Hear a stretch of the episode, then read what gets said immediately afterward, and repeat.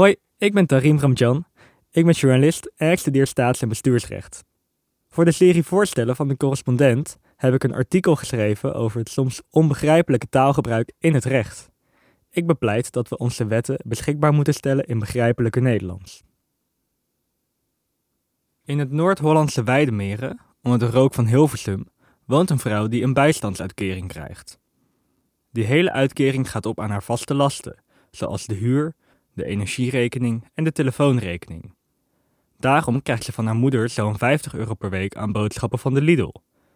Twee broden, drie zakken sla, een doos met acht stukjes vlees, twee dozen eieren, wc-papier en koffie. Op haar beurt doet de vrouw de nodige klusjes voor haar moeder. Niets aan de hand, toch? Fout.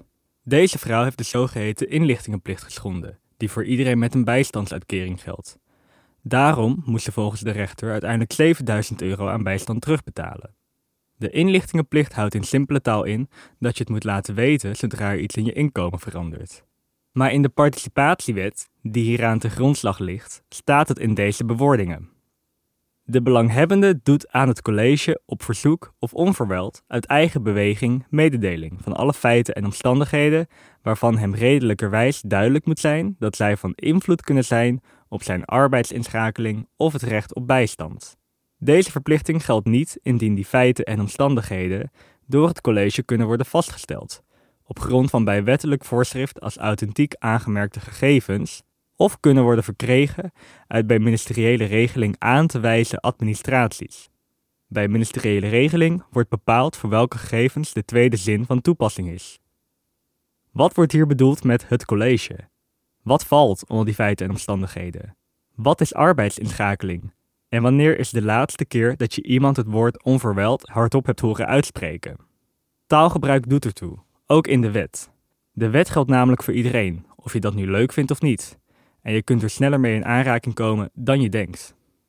Misschien koop je binnenkort een huis, om er vervolgens achter te komen dat de uitbouw groter is dan de omgevingsvergunning toelaat. Dan heb jij plots een hoop werk aan de winkel, zelfs als het helemaal niet jouw uitbouw is. Of ga je binnenkort de zomer vieren op het Amsterdamse Leidsplein? Daar heb je straks misschien niet alleen een flesje pils in je hand, maar ook een boete van 95 euro. Want op het uitgaansplein van de hoofdstad geldt een alcoholverbod.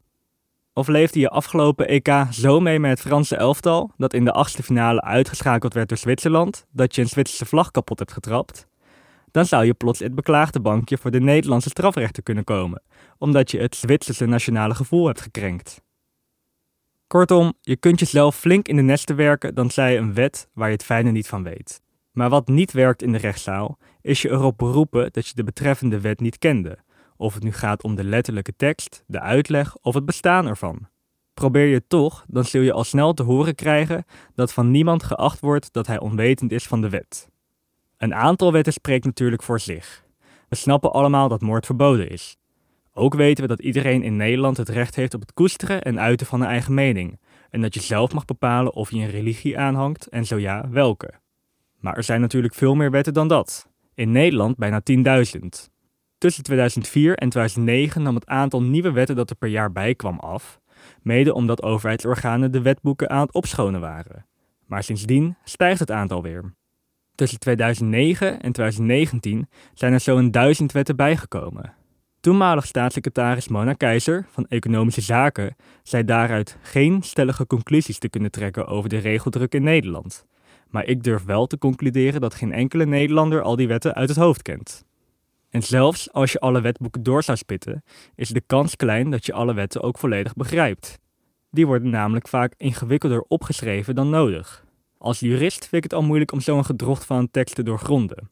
Hoe moet dat dan zijn voor de gemiddelde persoon? Dan laat ik nog achterwege dat 2 miljoen Nederlanders laaggeletterd zijn en dus moeite hebben met lezen en of schrijven. In verschillende landen worden, weliswaar mondjesmaat, pogingen gedaan om juridische teksten toegankelijker te maken. In Zuid-Afrika is in 2008 de Consumer Protection Act in werking getreden. Die vereist dat documenten en mededelingen die te maken hebben met commerciële handel in duidelijke taal moeten worden opgesteld. Denk aan contracten, maar ook aan algemene voorwaarden. En in 2010 tekende de toenmalige Amerikaanse president Barack Obama de Plain Writing Act. Die stelde dat alle nieuwe documenten, en dus ook wetten, van de federale overheid moesten worden opgesteld in begrijpelijke taal. Ambtenaren moeten les krijgen in eenvoudig schrijven en burgers kunnen op hun beurt terugkoppelen of de overheidsteksten goed leesbaar zijn.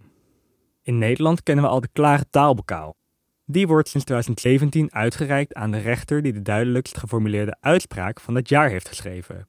En het moet gezegd worden, Nederlandse rechters doen hun best.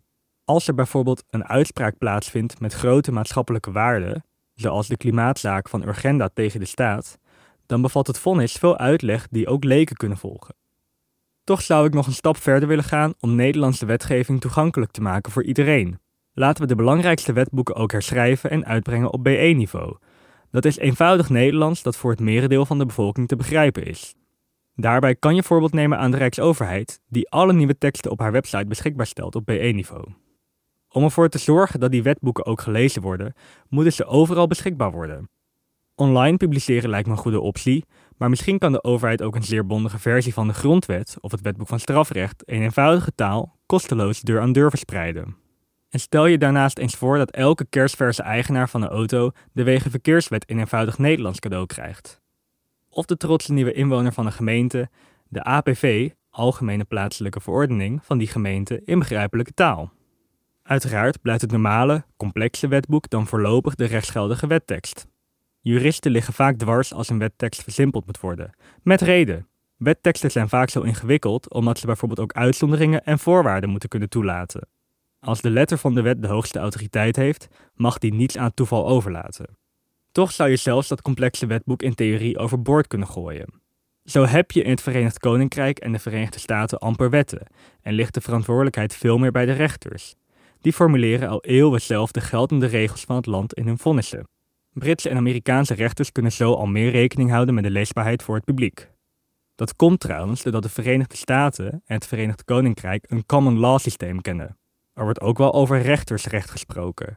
In dat systeem ligt de nadruk enorm op jurisprudentie, oftewel rechtszaken die al hebben gediend en de regels die daaruit zijn gekomen. Rechters moeten dus wel rekening houden met de uitspraken die hun voorgangers hebben gedaan. In Nederland kennen we een civil law systeem dat van de Romeinen afstamt en waarin we liever onze wetten in wetboeken bundelen. Voor blijvende verandering moet ook het juridisch onderwijs op de schop. Tijdens mijn bacheloropleiding rechtsgeleerdheid heb ik amper schrijfopdrachten gehad. De focus lag vooral op het correct toepassen en interpreteren van de wet. Dat is natuurlijk niet onbelangrijk voor toekomstige juristen, maar een groot deel van het werk zou ook uit schrijven bestaan. Daarom zouden toekomstige juristen moeten leren om begrijpelijk te schrijven, om bijvoorbeeld niet te koketteren met moeilijke woorden, zoals koketteren in plaats van opscheppen, of zichzelf eindeloos te herhalen. Uiteindelijk heeft de hele maatschappij baat bij begrijpelijke taalgebruik in het recht. En mocht je zelf ooit in het beklaagde bankje terechtkomen, dan zou het je in elk geval niet vergaan als hoofdpersoon Jozef K. in het proces van Frans Kafka. Als een burger met volste vertrouwen in de wetten en de rechters, tot je er zelf mee te maken krijgt en erachter komt dat je er nooit iets van begrepen hebt.